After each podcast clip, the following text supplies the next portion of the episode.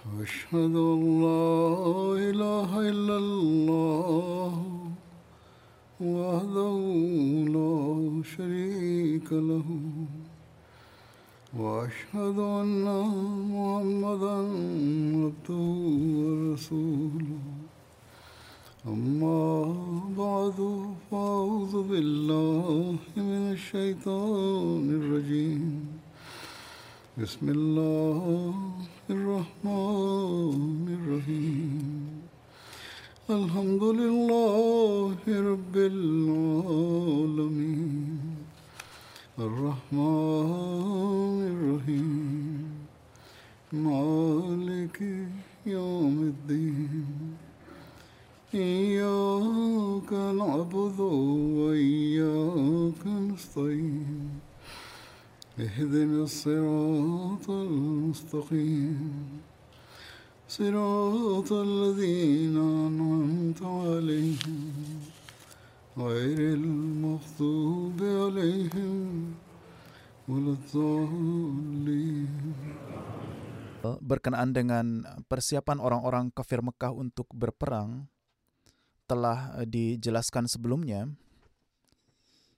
Rincian lebih lanjut terkait hal ini adalah sebagai berikut. Ada seseorang bernama Umayyah bin Khalaf dan ada satu lagi yang bernama Abu Lahab. Ketika uh, persiapan ini sedang berlangsung, mereka ragu-ragu untuk berangkat berperang. Sehubungan dengan ini tertera bahwa untuk pertempuran ini para pemuka Quraisy mewajibkan semua orang untuk berpartisipasi. Namun Umayyah bin Khalaf saat itu enggan untuk ikut serta. Salah satu pembesar Mekah, Uqbah bin Abu Mu'aid pergi ke Umayyah meletakkan beberapa wewangian dan kemenyan di sampingnya dan berkata, ambil wewangian wanita ini karena kamu juga termasuk wanita, yakni pengecut. Kamu tidak ada urusan dengan perang? Menurut riwayat lain, Abu Jahal mendatangi Umayyah dan berkata kepadanya,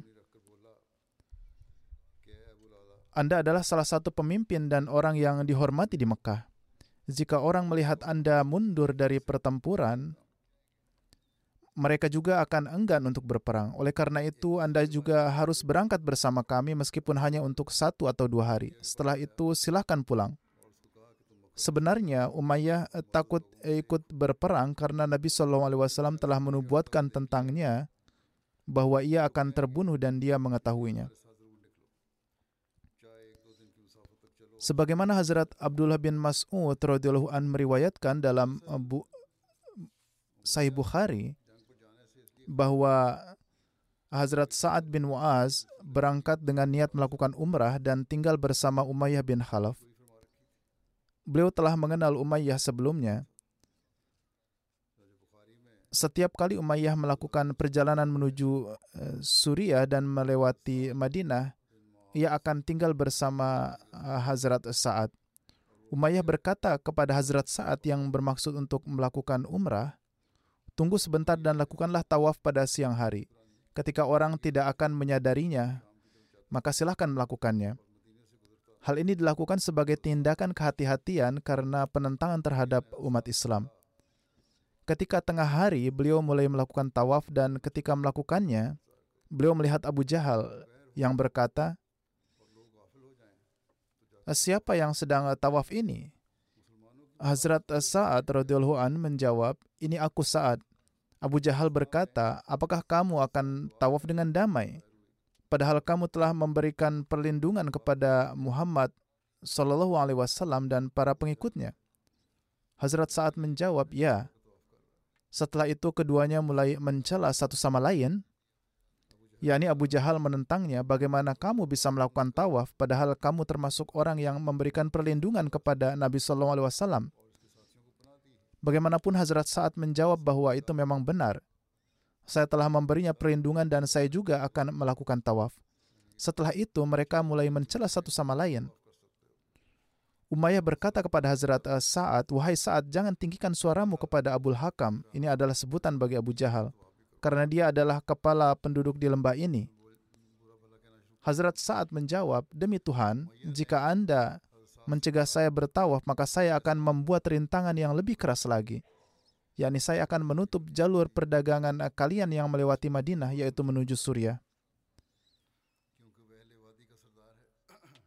Hazrat Abdullah bin Mas'ud radhiyallahu an meriwayatkan bahwa Umayyah terus mengulangi hal ini kepada Hazrat Sa'ad agar dia tidak meninggikan suaranya dan menghentikannya melakukan itu. Hazrat Sa'ad menjadi marah dan berkata kepada Umayyah, "Biarlah aku dan jangan mendukungnya yakni Abu Jahal." Saya telah mendengar Nabi suci sallallahu alaihi wasallam mengatakan bahwa beliau akan membunuhmu, yaitu beliau telah menubuatkan eh, kematianmu. Dalam riwayat lain tertera, orang-orang ini yakni para sahabat Nabi Muhammad SAW akan membunuhmu. Umayyah menjawab, siapa kepada aku? Hazrat Sa'ad radhiyallahu menjawab, ya kepadamu. Kemudian uh, Umayyah bertanya, di Makkah? Kemudian Hazrat Sa'ad radhiyallahu menjawab, itu saya tidak tahu. Mendengar hal ini, Umayyah berkata, Demi Tuhan, ketika Muhammad SAW berbicara, ia tidak berbohong. Umayyah kemudian pulang menemui istrinya dan berkata, Tahukah kamu apa yang dikatakan saudaraku, Yasribi, kepadaku? Istrinya bertanya, apa yang dia katakan? Umayyah menjawab, ia mengatakan bahwa ia mendengar Muhammad SAW berkata bahwa dia akan membunuhku. Istrinya berkata, demi Allah, Muhammad SAW tidak berbohong. Inilah nubuatan yang ditakuti oleh Umayyah.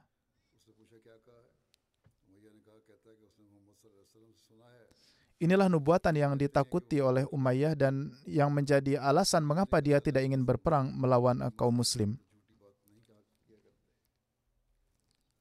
Hazrat Abdullah bin Mas'ud radhiyallahu an menyatakan bahwa ketika Umayyah berangkat menuju Badar dan seseorang datang untuk meminta bantuan, istri Umayyah berkata kepada Umayyah, Apakah kamu tidak ingat apa yang dikatakan saudara laki-lakimu dari Yasrib kepadamu?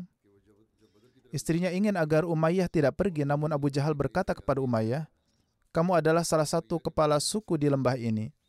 Jadi temani kami selama satu atau dua hari. Oleh karena itu Umayyah pergi bersama mereka selama dua hari, namun Allah membunuhnya. Beberapa penulis biografi juga mengangkat poin bahwa Nabi Suci Shallallahu Alaihi Wasallam mengatakan bahwa beliau akan membunuhnya tetapi bukan beliau Shallallahu Alaihi Wasallam yang melakukannya. Orang lain yang telah mengklarifikasi masalah ini mengatakan bahwa itu berarti beliau akan menjadi sarana baginya untuk terbunuh. Padahal Nabi Shallallahu Alaihi Wasallam tidak membunuh siapa pun selain saudara laki-laki Umayyah bin Khalaf, Ubay bin Khalaf. Nabi Shallallahu Alaihi Wasallam membunuhnya ketika perang Uhud. Orang-orang yang mengklarifikasi juga menyatakan bahwa Hazrat Sa'ad radhiyallahu mungkin mengatakan kepada Umayyah bahwa para sahabat Nabi Muhammad SAW akan membunuhnya karena sebagaimana telah disebutkan dalam riwayat sebelumnya bahwa baik beliau atau para sahabat beliau akan membunuhnya. Bagaimanapun ia terbunuh dan tidak perlu diperdebatkan siapa yang sebenarnya membunuhnya karena nubuatan tersebut telah tergenapi. Demikian pula Abu Lahab juga takut untuk pergi berperang ia mengirim seseorang sebagai penggantinya dan eh, ia sendiri tidak pergi untuk berperang. Alasannya tidak ikut berperang adalah mimpi yang dilihat oleh Atikah binti Abdul Muthalib. Abu Lahab selalu mengatakan bahwa mimpi Atikah seperti sesuatu yang diambil dari tangan seseorang yaitu uh, hal yang pasti. Hazrat Mirza Bashir Ahmad radhiyallahu an telah menyebutkan rinciannya sebagai berikut hanya ada dua orang yang ragu untuk berpartisipasi yaitu Abu Lahab dan Umayyah bin Khalaf. Namun alasan keraguan-raguan ini bukan karena simpati kepada umat Islam. Sebaliknya, Abu Lahab takut dibayang-bayangi mimpi saudara perempuannya Atikah binti Abdul Muthalib yang dilihatnya hanya tiga hari sebelum kedatangan Dam-Dam yang menunjukkan kehancuran suku Quraisy. Adapun Umayyah bin uh, Khalaf takut akan nubuatan Nabi suci sallallahu alaihi wasallam tentang uh, pembunuhannya yang ia ketahui dari Sa'ad bin Mu'az radhiyallahu di Makkah. Namun karena ada kekhawatiran bahwa jika kedua kepala suku yang terkenal ini tidak ikut uh, perang akan berdampak negatif pada kaum kafir, Maka kepala suku Quraisy lainnya menyemangati mereka sehingga akhirnya memaksa mereka untuk setuju. Yakni Umayyah sendiri telah bersedia untuk ikut sedangkan Abu Lahab membayar sejumlah besar uang kepada orang lain untuk menggantikannya. Dengan begitu, setelah persiapan selama tiga hari, lebih dari seribu prajurit bersiap untuk berangkat dari Mekah. Ketika pasukan masih berada di Mekah, beberapa pemimpin Quraisy berpikir bahwa karena hubungan antara Mekah dan Bani Bakar yang merupakan cabang dari Bani Kinanah tengah memburuk, ada resiko jika mereka tidak ada, mereka akan mengambil keuntungan dari situasi ini untuk menyerang Mekah. Karena pemikiran ini, berbagai, orang dari kalangan Quraisy mulai goyah. Namun seorang kepala Bani Kinanah bernama Suraka bin Malik bin Jasham yang berada di Mekah pada saat itu meyakinkan mereka dengan mengatakan, saya jamin tidak ada serangan yang akan dilancarkan ke Mekah. Faktanya Suraka adalah begitu keras permusuhannya terhadap Islam sehingga untuk mendukung kaum Quraisy, ia sendiri bahkan ikut serta menemani sampai ke Badar. Namun ketika ia melihat orang-orang muslim di sana, ia diliputi ketakutan sehingga sebelum perang dimulai ia meninggalkan para sahabatnya dan melarikan diri. Sebelum berangkat dari Mekah, kaum Quraisy pergi ke Ka'bah dan berdoa, "Ya Tuhan, berilah pertolongan kepada salah satu dari antara kedua pihak yang berada di atas kebenaran dan yang lebih mulia dan utama dalam pandangan Engkau, dan bantulah mereka dan hinakanlah pihak yang lain." Setelah itu, eh, pasukan kafir berangkat dari Mekah dengan keangkuhan dan kebanggaan yang besar. Mereka telah Eh, berdoa untuk kekalahan mereka sendiri sejak awal. Kita menemukan referensi yang menyebutkan bahwa pada awalnya tentara Mekah berjumlah 1.300 orang. Namun masyarakat suku Bani Zuhra dan Bani Adi memisahkan diri dari tentara selama perjalanan. Dengan begitu jumlah tentara Quraisy berkurang menjadi 950 atau 1000 menurut riwayat lain. Selanjutnya mereka memiliki 100 kuda atau 200 kuda menurut riwayat lain Kemudian ada 700 unta, 600 baju besi, dan banyak perlengkapan militer lainnya seperti tombak, pedang, busur, dan anak panah, dan lain-lain. Ada yang eh, menyebutkan mimpi Juhaim bin Salat terkait, terkait dengan uh, kehancuran para pemuka Quraisy. Kaum Quraisy berangkat dari Mekah dan mencapai Jufa. Jufa uh, terletak sekitar 82 mil dari Makkah menuju Madinah. Juhaim bin Salt berkata kepada orang-orang, Aku melihat dalam mimpi bahwa seorang pria berkuda datang dengan seekor unta di sampingnya. Orang itu mengatakan, Utbah bin Rabi'ah telah dibunuh. Syaibah bin Rabi'ah telah dibunuh. Abul Hakam bin Hisham, yakni Abu Jahal telah dibunuh. Umayyah bin Khalaf telah dibunuh. Dan dia menyebutkan semua nama-nama pemuka Quraisy lainnya yang kemudian terbunuh dalam perang Badar. Orang itu kemudian menusukkan tombak ke leher untanya dan meninggalkannya bersama pasukan kami. Artinya tidak ada satupun tenda pasukan kami yang tidak ada tumpahan darah dari unta milik orang ini. Ketika Abu Jahal mendengar mimpi ini, ia berkata dengan nada mengejek dan marah, Rupanya ada nabi lain yang telah muncul di antara Bani Mutalib. Jika kita bertarung besok, kita akan tahu pasti siapa yang terbunuh.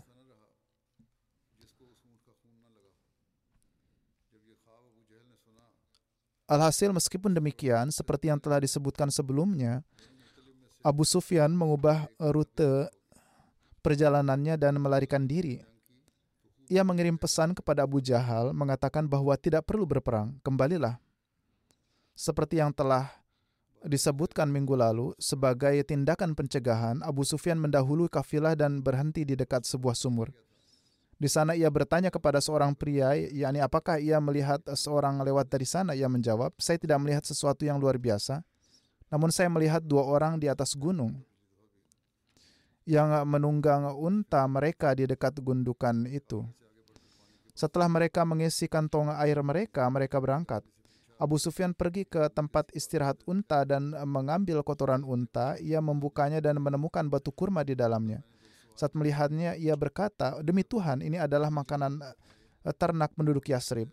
Ia segera berlari ke arah rekan-rekannya dan dengan mencambuk untanya, ia mengalihkan uh, karavannya menuju pantai. Mereka melewati badar ke sisi kanan mereka dan melaju ke depan. Saya telah menyebutkan kejadian ini dalam uh, khutbah minggu lalu. Meskipun demikian, ketika Abu Sufyan yakin bahwa kafilahnya aman, ia mengirim pesan kepada orang Quraisy dengan mengatakan, Kalian berangkat hanya untuk melindungi orang-orangmu dan hartamu. Tuhan telah menyelamatkan mereka. Karena itu kembalilah sekarang. Namun setelah mendengar pesan ini, Abu Jahal berkata, Demi Tuhan, kami tidak akan kembali sampai sampai kami mencapai Badar. Badar adalah salah satu daerah di mana festival berlangsung untuk orang Arab dan setiap tahun bazar diadakan. Abu Jahal berkata, kami akan berkemah di sana selama tiga hari, menyembelih unta kami, berpesta, minum alkohol dan dan pelayanan kami akan dan pelayan kami akan menyanyikan lagu untuk kami. Seluruh Arabia akan mendengar tentang kami, tentang perjalanan kami dan tentang kami yang perkasa. Sejak saat itu, mereka akan selalu hidup dalam ketakutan terhadap kita.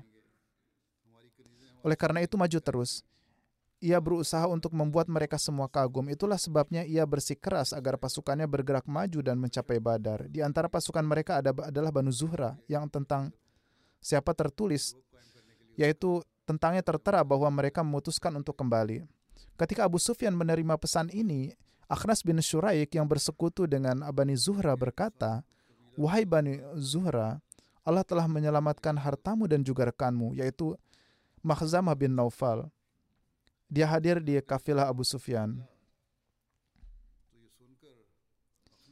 Anda meninggalkan rumah Anda untuk menyelamatkan uh, mahzamah dan harta Anda. Salahkan aku karena kepengecutan ini. Orang-orang akan mengatakan bahwa mereka pengecut saat meninggalkan medan perang. Jadi katanya silahkan salahkan aku dan kembalilah.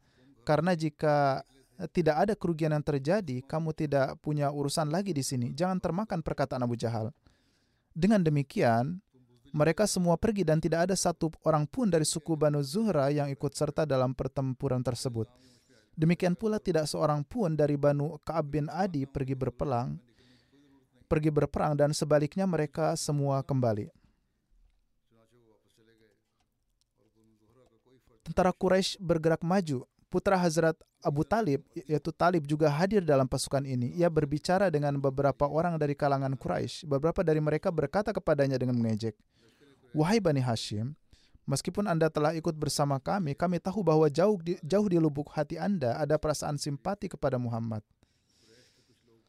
Setelah mendengar ini, Talib pergi dengan banyak temannya dan kembali ke Mekah. Dalam sebuah riwayat disebutkan bahwa Eh, Talib bin Abu Talib dipaksa datang dengan pasukan musyrik namun ia tidak ditemukan di antara para tawanan. Juga tidak di antara mereka yang terbunuh dan dia juga tidak kembali ke rumah. Ini adalah referensi dari Tabari. Meskipun demikian, pasukan yang tersisa berkurang dari 1.300 menjadi sekitar 1.000 dan melanjutkan perjalanan mereka.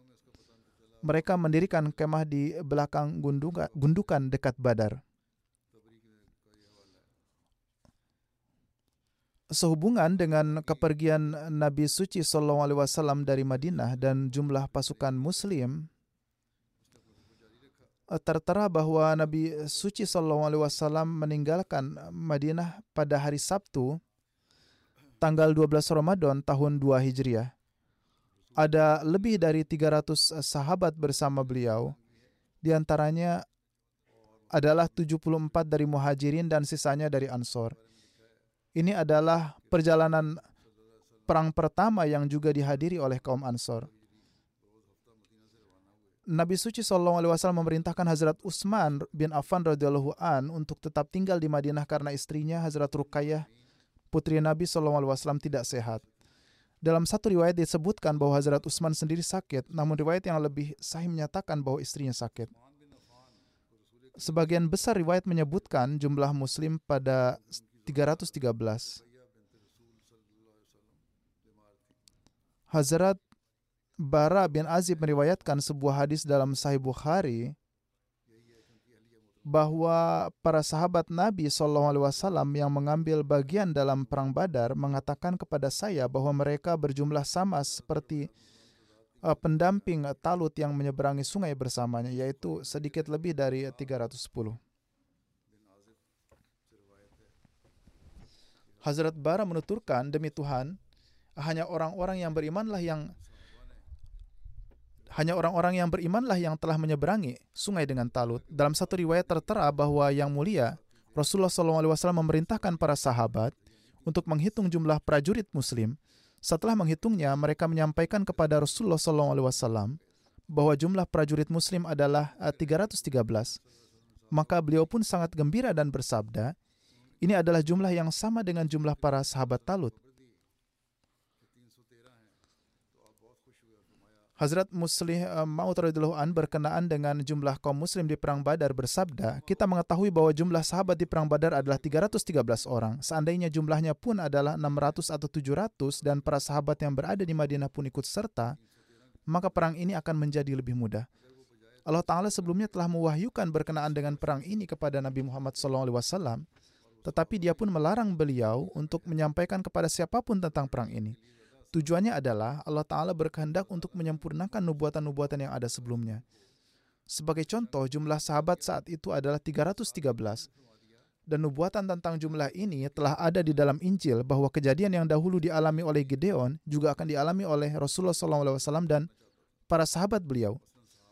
Tatkala Nabi Gideon menghadapi musuh-musuhnya, jumlah jemaat beliau saat itu ada 313. Kini, jika para sahabat saat itu telah mengetahui bahwa mereka berangkat dari Madinah adalah untuk berperang, maka semua yang ada di sana pasti akan pergi. Dan jumlahnya akan lebih dari 313. Atas dasar hikmah ini Allah Ta'ala menjadikan perkara ini tersembunyi agar jumlah para sahabat tidaklah melampaui 313 karena nubuatan ini akan dapat sempurna tatkala hanya 313 sahabat yang pergi.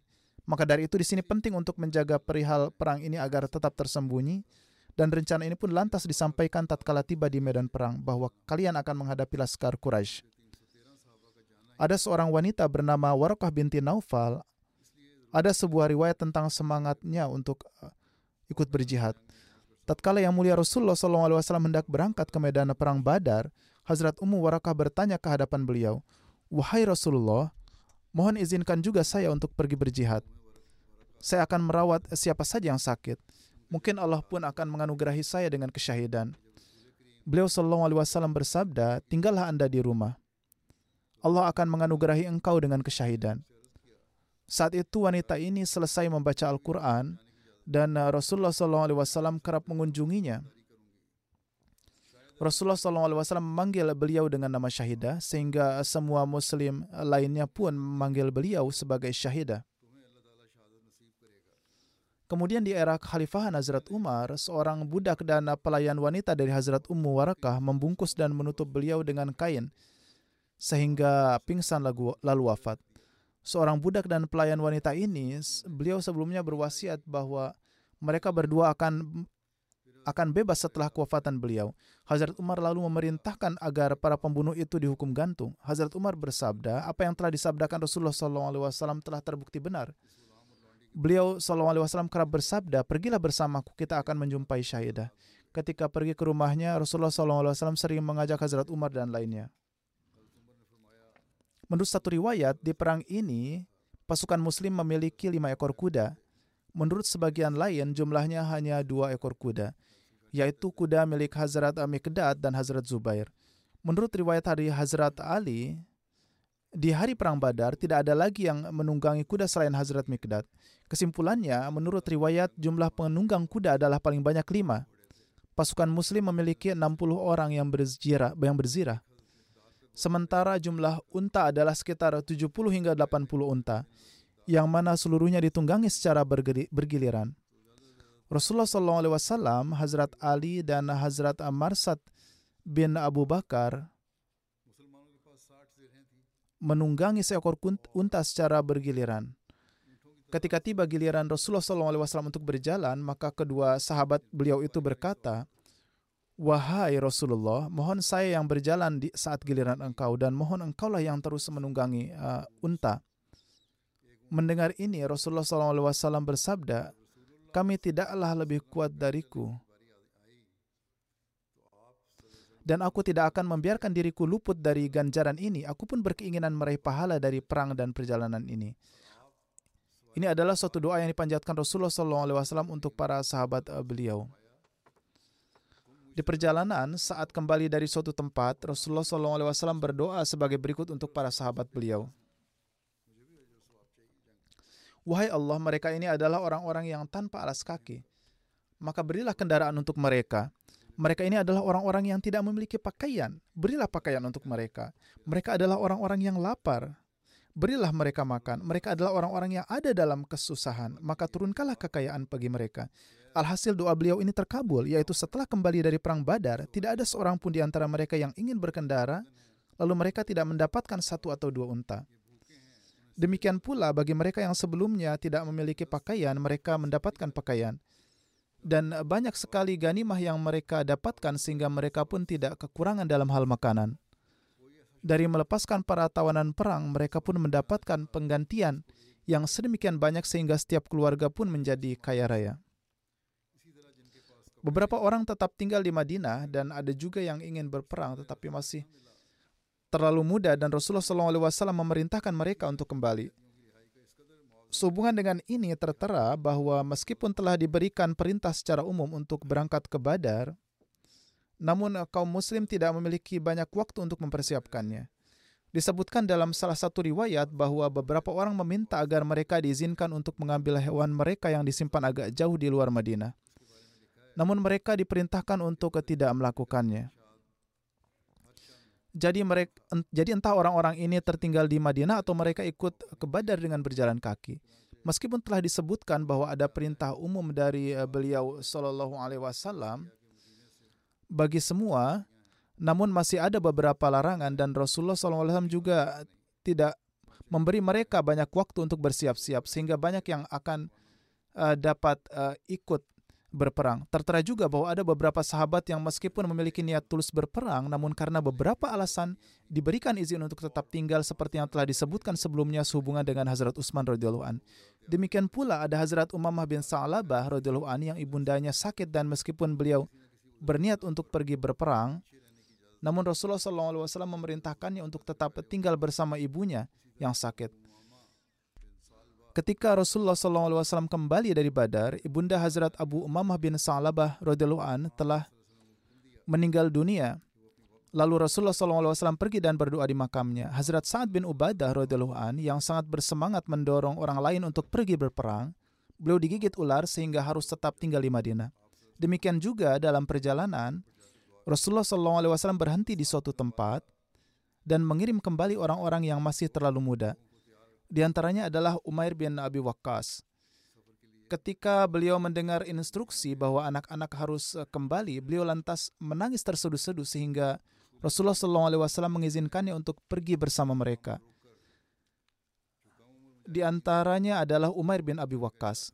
Ketika beliau mendengar eh, perintah bahwa anak-anak harus kembali, beliau lantas menangis terseduh-seduh sehingga Rasulullah SAW mengizinkannya untuk pergi bersama mereka berperang dan beliau ikut serta dalam perang Badar hingga disyahidkan.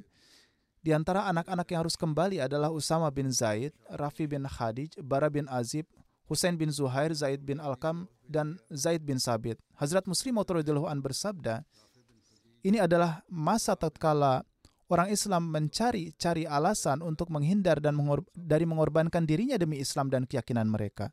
Setiap kali mereka diseru, mereka menyatakan bahwa mereka memiliki alasan ini dan itu yang mencegah mereka dari menjalaninya.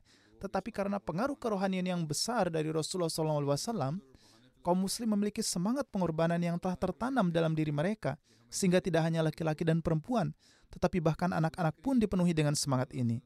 Pada saat perang Badar, Rasulullah SAW memanggil para sahabat beliau untuk memilih siapa saja para sahabat yang dapat ikut serta dalam pertempuran. Mengenai peristiwa seorang pemuda belia diriwayatkan olehnya sendiri dan juga oleh para sahabat lainnya. Diriwayatkan bahwa ketika segenap muslim berdiri dengan semangat mengorbankan nyawanya demi Islam, Pemuda belia itu juga ikut berdiri, namun karena tinggi badan yang pendek, ia tampak lebih kecil dari yang lain sehingga ada kemungkinan ia tidak akan dipilih untuk misi ini. Maka demi hal ini ia berdiri di atas jari kakinya dan mengangkat tumitnya lebih tinggi sehingga ia pun terlihat lebih tinggi. Ia juga melebarkan dadanya agar tidak terlihat lemah. Rasulullah SAW memerintahkan bahwa tidak boleh ada laki-laki di bawah usia 15 tahun yang dipilih. Saat beliau berjalan dan memilih orang, Rasulullah SAW menghendak mendekati pemuda belia itu dan bersabda, ia masih kecil, siapa yang membawanya ke sini? Seandainya peristiwa ini terjadi dewasa ini, pemuda seperti itu akan bersuka cita atas kenyataan bahwa ia telah diselamatkan. Namun ketika anak ini dikeluarkan dari barisan, ia pun menangis terseduh-seduh sehingga Rasulullah SAW merasa kasihan padanya dan setuju untuk membawanya. Selama perjalanan ini, Rasulullah SAW menunjuk seorang sahabat sebagai pengganti beliau uh, sebagai amir untuk mengawasi Madinah. Terkait ini, tertera bahwa setelah meninggalkan Madinah, Rasulullah SAW menunjuk Abdullah bin Umi Maktum sebagai amir di Madinah. Namun ketika Rasulullah SAW mencapai Ruha kira-kira 36 mil dari Madinah, beliau menunjuk Abu Lababah bin Munzar sebagai amir dan mengirimnya kembali untuk membentengi Madinah karena Abdullah adalah orang buta dan ada peluang nyata bahwa kaum Quraisy bisa saja menyerang. Rasulullah SAW memerintahkan bahwa Abdullah bin Ummi Maktum akan tetap menjadi imam sholat sementara Abu Lababah mengawasi dan mengatur urusan-urusan lainnya. Kemudian bagi penduduk Madinah bagian atas yaitu untuk penduduk Kuba, Rasulullah SAW mengangkat Asim bin Adi sebagai amir beliau. Tentang bendera tentara Muslim, tertera bahwa Rasulullah SAW menunjuk Hazrat uh, Mas Mus'ab bin Umair sebagai pembawa bendera. Bendera ini ber, berwarna putih dan ada juga dua bendera hitam selain ini. Salah satunya bernama uh, Akab dan dipegang oleh Hazrat Ali an. Bendera ini dibuat dari uh, kain milik Hazrat Aisyah dan bendera lainnya diberikan kepada seorang sahabat dari kaum Ansar. Menurut satu riwayat, pasukan muslim memiliki tiga bendera, Bendera kaum muhajir dipegang oleh Hazrat Mas'ab bin Umair, bendera suku Hazraj dipegang oleh Hazrat Habab bin Munzar, dan bendera suku Aus dipegang oleh Hazrat Sa'ad bin Muaz.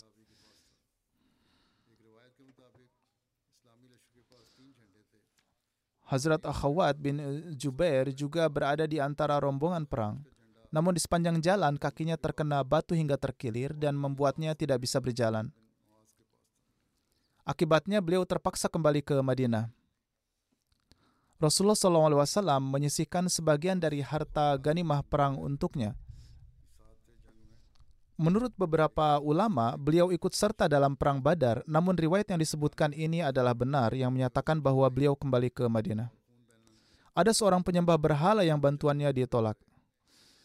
Tentang hal ini tertera bahwa ada seorang yang sangat kuat dan pemberani di Madinah bernama Habib bin Yusuf ia berasal dari suku Hazraj dan belum menerima Islam pada saat Perang Badar. Meskipun demikian, ia berangkat bersama orang-orang suku Hazraj untuk berperang dan juga berharap untuk mengambil bagian dalam harta ganimah perang jika mereka menang. Orang-orang Muslim senang bahwa ia tidak ikut juga dalam pertempuran, tapi Rasulullah SAW bersabda, hanya mereka yang mengamalkan keyakinan kita lah yang akan eh, hidup, yang akan ikut berperang. Dalam riwayat lain, Rasulullah Wasallam bersabda, Anda harus kembali. Kami tidak ingin mencari bantuan dari seorang musyrik. Habib bin Yasaf menghadap Rasulullah Wasallam sekali lagi, namun ia ditolak untuk kedua kalinya. Ketika ia kembali untuk ketiga kalinya, Rasulullah Wasallam bersabda, Apakah kamu beriman kepada Allah dan Rasulnya? Ia menjawab dengan tegas, ya. Setelah itu ia menjadi seorang muslim dan bertempur dengan gagah berani dalam perang. Dalam perjalanan ini juga tertera bahwa Hazrat saat berburu seekor rusa. Setelah mencapai tempat tertentu selama perjalanan, Rasulullah SAW berbicara kepada Hazrat Sa'ad bin Abi Waqqas dan bersabda, Wahai Sa'ad, lihatlah rusa itu dan tembaklah dengan anak panah. Dalam perjalanan, mereka melihat seekor rusa di tempat Rasulullah SAW berhenti. Rasulullah SAW meletakkan dagu beliau yang berberkat di antara dagu, di antara bahu dan telinga Hazrat Sa'ad radhiyallahu an dan bersabda, "Tembak tembakan panahnya. Ya Allah, buatlah bidikannya tepat." Ia melepaskan panahnya dan bidikannya tidak menyimpang dari rusa. Melihat ini Rasulullah SAW tersenyum dan Hazrat Said berlari ke arah rusa. Ia memegangnya dan memperhatikan bahwa rusa itu masih hidup. Karena itu ia menyembelihnya dan membawanya. Sesuai petunjuk Rasulullah SAW, hidangan itu dibagikan di antara para sahabat. Rasulullah SAW melanjutkan perjalanan sampai mereka mencapai Safra, lembah hijau subur yang syarat dengan pohon kurma dan ini berjalan hanya satu hari perjalanan dari Badar. Rasulullah SAW mengutus orang lain untuk melakukan pengintaian ke Badar untuk menyelidiki tentang Abu Sufyan. Rasulullah SAW juga terus maju bersama pasukan sampai mereka mencapai lembah Zafran, terletak di dekat lembah Safra, di mana mereka mendirikan kemah, kemah mereka. Kedua pemuda yang dikirim oleh Rasulullah SAW untuk mengintai Abu Sufyan berjalan sampai mereka mencapai Badar. Mereka mendudukan unta mereka di dekat bukit yang berdekatan dengan uh, tempat air dan mengisi kantong air mereka. Mereka mendengar suara dua orang perempuan yang berpegang satu sama lain saat mereka mendekati air. Seorang perempuan berkata kepada yang lain, "Kafilah akan tiba besok atau lusa. Saya akan mendapatkan upah upah dengan bekerja untuk mereka dan saya akan melunasi utang saya kepadamu.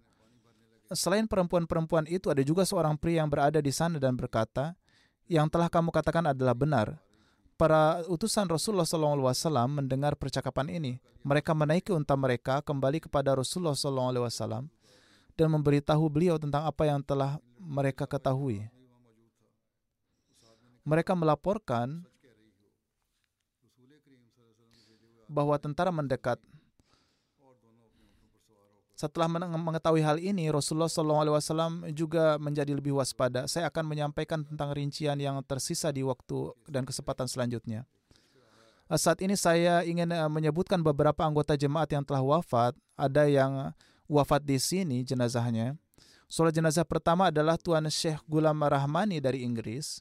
Beliau meninggal beberapa hari yang lalu dalam usia 92 tahun. Inna lillahi wa inna ilaihi roji'un. Beliau adalah putra Hazrat Syekh Gulam Jailani dari Amritsar, seorang sahabat Hazrat Masih Maud alaihissalam, juga menantu Tuan Syekh Rahmatullah yang telah lama berkhidmat sebagai Amir Jamaat di Karachi. Ayahanda Tuan Syekh Gulam Rahmani melakukan perjalanan kadian pada tahun 1902 dan mendapat karunia berjumpa dengan Hazrat Masih Maud alaihissalam beliau langsung berbaiat kepada Hazrat Masih Maud alaihissalam dengan menyatakan bahwa wajah seperti Hazrat Masih Maud alaihissalam menyatakan bahwa wajah seperti Hazrat Masih Maud alaihissalam tidaklah mungkin merupakan wajah seorang pendusta. Tuan Gulam Rahmani pindah ke Inggris pada tahun 1958 di mana beliau memperoleh gelar di bidang teknik kelistrikan.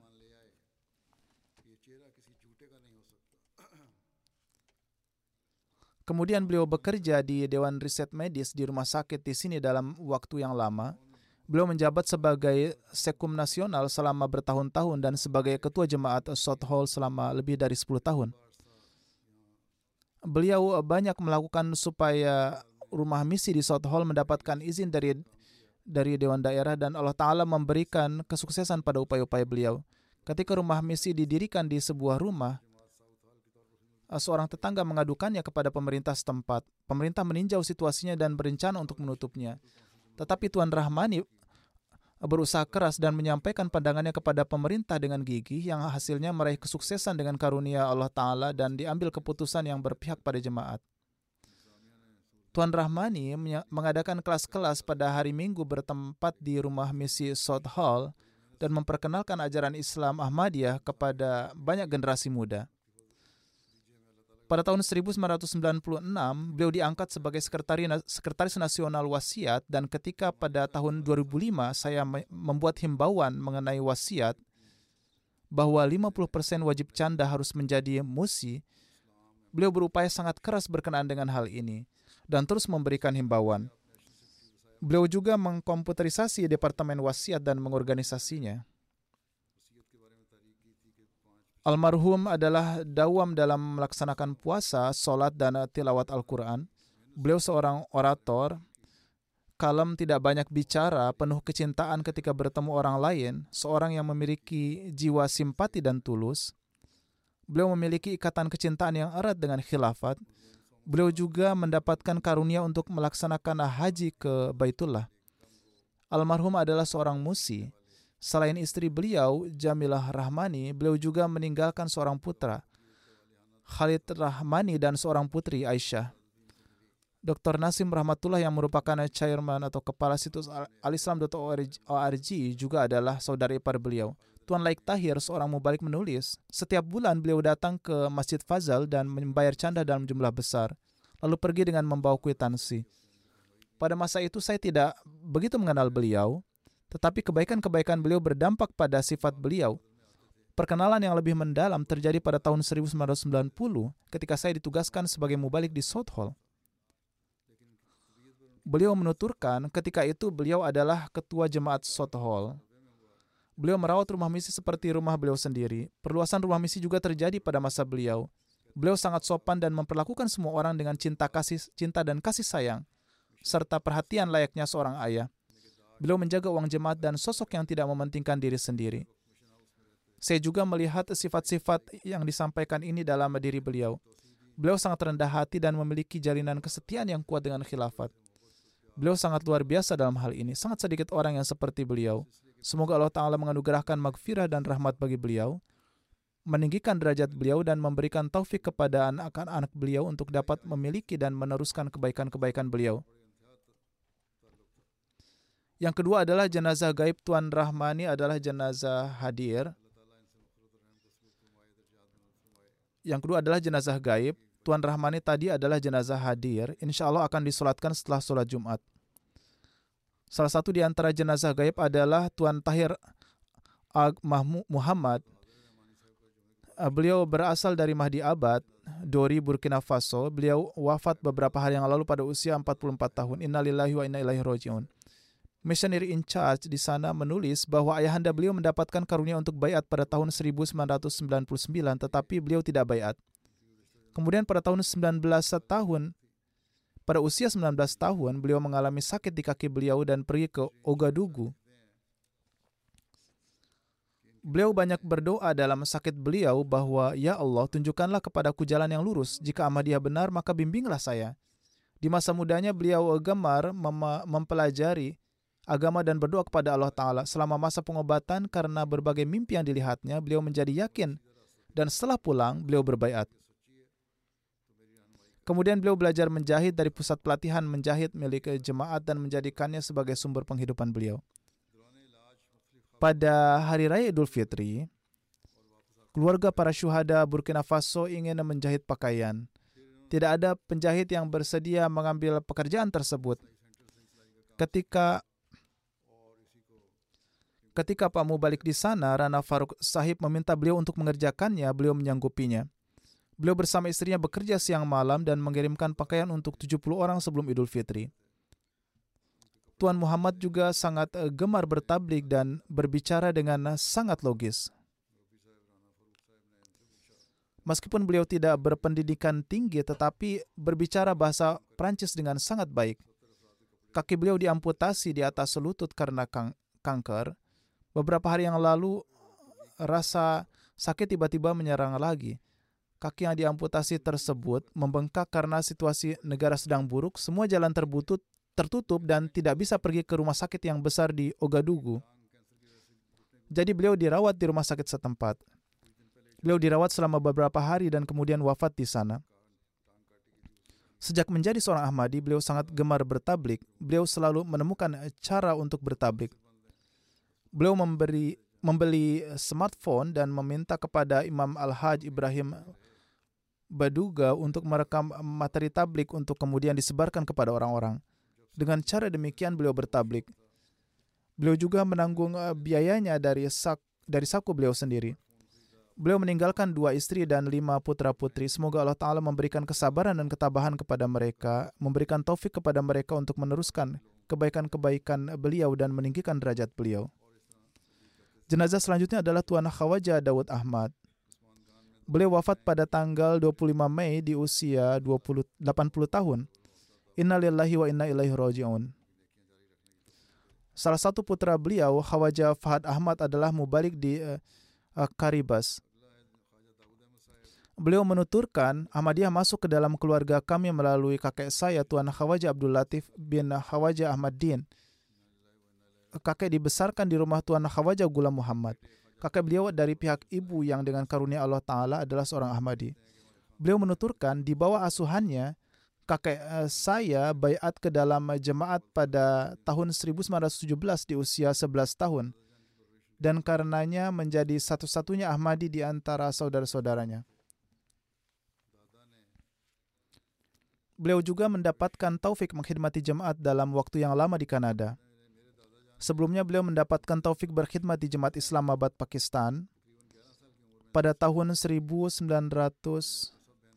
74 beliau mendapatkan taufik menjadi kait Majelis Khudamul Ahmadiyah Islamabad pada kesempatan kedatangan Hazrat Khalifatul Masih Salis rahimahullah di Majelis Nasional Pakistan. Dalam hal ini, Hazrat Khalifatul Masih Salis rahimahullah juga mengungkapkan rasa senang beliau mengenai mengenai beliau. Beliau berprofesi sebagai insinyur sipil beliau memiliki kecintaan dan kesetiaan kepada khilafat. Pada saat kewafatannya, beliau berada di pusat jemaat lokal dan sedang dalam rapat amilah. Beberapa saat sebelum pulang ke rumah, beberapa tanda nyeri muncul di dada dan dalam beberapa menit kemudian beliau berpulang ke eh, hadiratnya. Innalillahi wa inna ilaihi rojiun. Almarhum adalah seorang musi. Selain istrinya, beliau meninggalkan empat putra dan suatu putri. Seperti yang saya katakan, salah satu putra beliau adalah wakaf zindegi, beliau adalah mubalik yang bertugas di uh, Karibas dan tidak dapat datang ke Kanada karena kesibukan jalsa di sana dan juga pekerjaan-pekerjaan jemaat. Beliau tidak dapat menghadiri pemakaman ayahnya. Semoga Allah Ta'ala menganugerahkan kesabaran dan ketabahan kepada beliau dan meninggikan derajat almarhum. Jenazah berikutnya adalah yang terhormat Tuan Sayyid Tanwir Shah. Beliau berasal dari Saskatoon, Kanada. Beliau wafat beberapa hari yang lalu di Paraguay. Beliau pergi ke sana untuk melakukan wakaf arzi. Innalillahi wa inna ilaihi roji'un. Beliau memiliki satu putra, eh, Sayyid Raza Shah yang merupakan seorang mubalik. Ibu dari eh, Tuan Tanwir Shah, Nyonya Faruk Hanum, datang ke Kadian dari Turkistan bersama saudara laki-lakinya, Haji Jundullah dan ibunya untuk bayat. Putranya menulis bahwa Kakek saya, Tuan Sayyid Bashir Shah adalah cucu Hazrat Sayyid Abdul Sattar Shah, sahabat Hazrat Masih Maud alaihissalatu. Dengan demikian, beliau juga memiliki hubungan kekerabatan dengan Hazrat Ummi Tahir. Almarhum Tanwir Shah adalah seorang anggota jemaat yang sangat setia dan selalu siap untuk mengkhidmati jemaat. Putranya menulis, beliau selalu membawa kami ke acara jemaat. Setiap Jumat beliau menyuruh kami mengambil cuti dari sekolah dan membawa kami ke sholat Jumat. Beliau sangat mementingkan pengorbanan harta dan selalu menyisihkan sebagian dari pendapatannya untuk tujuan ini. Dan juga memerintahkan orang-orang di rumahnya dan orang lain di dalam jemaat untuk melakukan hal yang sama. Beliau gemar bertablik. Beliau sering uh, menganalisis bagaimana kami dapat bertablik dengan cara terbaik Beliau juga dengan gembira menyampaikan bahwa dua orang menerima Ahmadiyah uh, selama beliau berada di Paraguay. Dia sangat kona'ah. Beliau tidak pernah menghendaki kekayaan dan juga tidak memiliki hasrat untuk itu. Bahkan apa pun yang Allah Ta'ala berikan kepadanya selalu beliau syukuri. Yakni beliau yakin dan bertawakal kepada Allah Ta'ala bahwa dia akan memberikan apa pun yang beliau butuhkan. Setiap kali menghadapi kesulitan, beliau ber, berkata, berdoalah Allah Ta'ala akan mengurusnya, putranya. Dan memang Allah Ta'ala mengurus masalah tersebut. Putranya berkata, beliau berulang kali mengatakan kepada saya bahwa sebagai mubalik, saya harus memahami tanggung jawab saya dan bekerja dengan tulus. Istri beliau berkata, kami bersama selama 39 tahun dan saya tidak pernah melihat kekurangan apa pun dalam dirinya. Beliau memiliki jalinan kecintaan dan kesetiaan yang kuat dengan khilafah dan beliau memerintahkan hal yang sama kepada anak-anaknya. Tidak hanya beliau sendiri yang menapaki jalan yang lurus, tetapi beliau juga membawa anak-anaknya ke jalan yang sama. Beliau berkata, sepanjang hidup kami, beliau tidak pernah berbicara buruk tentang orang lain. Dan beliau juga memperhatikan mertua beliau. Istri beliau berkata, setiap kali ibu saya membutuhkan saya, beliau dengan senang hati mengirim saya kepadanya. Mubalik di Paraguay, Abdul Nur Batin mengatakan di Kanada, beliau mendapatkan taufik untuk berkhidmat dalam berbagai jabatan. Namun beliau tidak memiliki unsur kebanggaan atau kesombongan dalam dirinya. Beliau memiliki semangat tinggi untuk mengkhidmati jemaat. Ke mana pun beliau pergi, beliau melakukan pekerjaan dengan menganggapnya sebagai tugas dan melakukannya dengan penuh kecintaan. Beliau mengatakan kepribadiannya telah meninggalkan pengaruh yang mendalam pada para pemuda di Paraguay. Beliau mengajari mereka kesabaran, kasih sayang, dan keramahan kepada tamu. Ketua Jemaat Lokal Regina, Tuan Habibur Rahman berkata, beliau adalah pengkhidmat jemaat yang tulus, beliau selalu tersenyum. Saya tidak pernah melihatnya marah. Beliau sangat lembut hati dan memberikan pekerjaan kepada sukarelawan dengan sangat penuh kasih sayang. Beliau tidak pernah terlihat eh, kelelahan karena pengkhidmatan. Beliau nampak selalu sibuk mencari cara untuk menyenangkan Allah Ta'ala. Beliau memiliki tingkat kecintaan yang tinggi terhadap khilafat. Seorang mubayin baru dari uh, Paraguay, Elias Oliver berkata, saya hanya mengenalnya sebentar, tetapi dalam rentang waktu yang singkat ini beliau meninggalkan warisan besar bagi saya dan teman-teman saya, mereka yang baru masih baru di jalan Islam. Dari beliau, kami belajar kesabaran dan kami belajar untuk siap membantu penuh kasih sayang dan baik. Ia mengatakan, beliau mengajarkan kami bahwa untuk mengajarkan sesuatu kepada seseorang tidak perlu berbicara, melainkan lakukanlah pengkhidmatan nyata. Maka orang-orang akan belajar darinya dan ini juga berfungsi sebagai sarana untuk tablik. Semoga Allah Ta'ala memberikan ampunan dan rahmat kepada almarhum, memberikan kesabaran dan ketabahan kepada anak-anaknya dan memberikan taufik kepada mereka untuk meneruskan warisan-warisan kebaikannya. Selanjutnya Tuan Rana Muhammad Zafrullah Khan yang merupakan seorang mubalik, beliau wafat beberapa hari yang lalu. Beliau adalah putra dari Tuan Rana atau Allah Khan. Beliau wafat pada akhir April. Innalillahi wa inna ilaihi raji'un. Ahmadiyah masuk dalam keluarga beliau melalui kakek dari pihak ayah, Rana Ilahuddin, yang menerima Ahmadiyah pada tahun 1931 di tangan Hazrat Muslim Autoridullah An. Setelah berbaiat, beliau menghadapi penentangan yang keras. Akibatnya beberapa anggota keluarganya yang lain menjadi murtad. Namun beliau tetap teguh pada Ahmadiyah dan terus menyebarkan keyakinannya. Tuan Tuan Rana Zafrullah lulus dari Jamiah pada tahun 1987. Setelah itu beliau mendapatkan taufik berkhidmat selama 36 tahun. Sebagian besar masa pengkhidmatan beliau dihabiskan di lapangan di berbagai daerah sebagai mubalik. Tuan Said Nikmatullah yang adalah seorang mubalik berkebangsaan Afghanistan dan saat ini berkhidmat di Ghana mengatakan,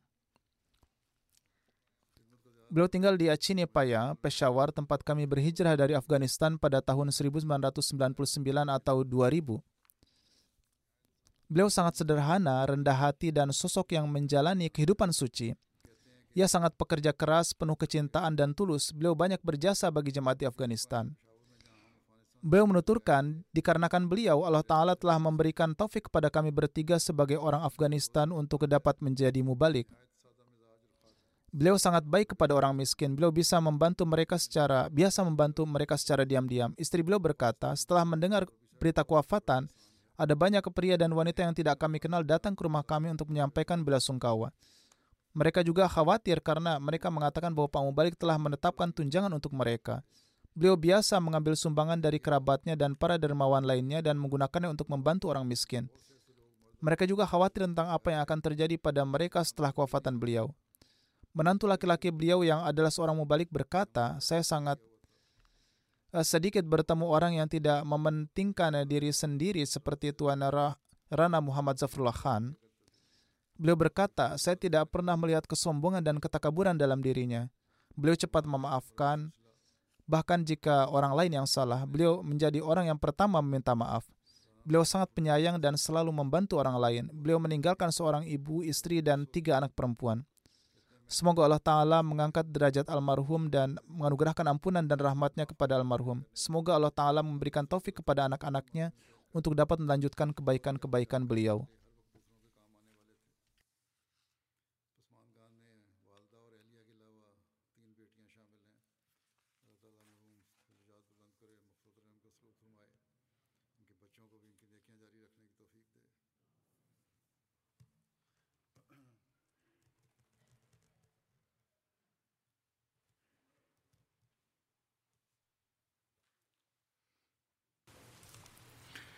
الحمد لله الحمد لله نحمده ونستعينه ونستغفره ونؤمن به ونتوكل عليه ونعوذ بالله من شرور أنفسنا ومن سيئات أعمالنا.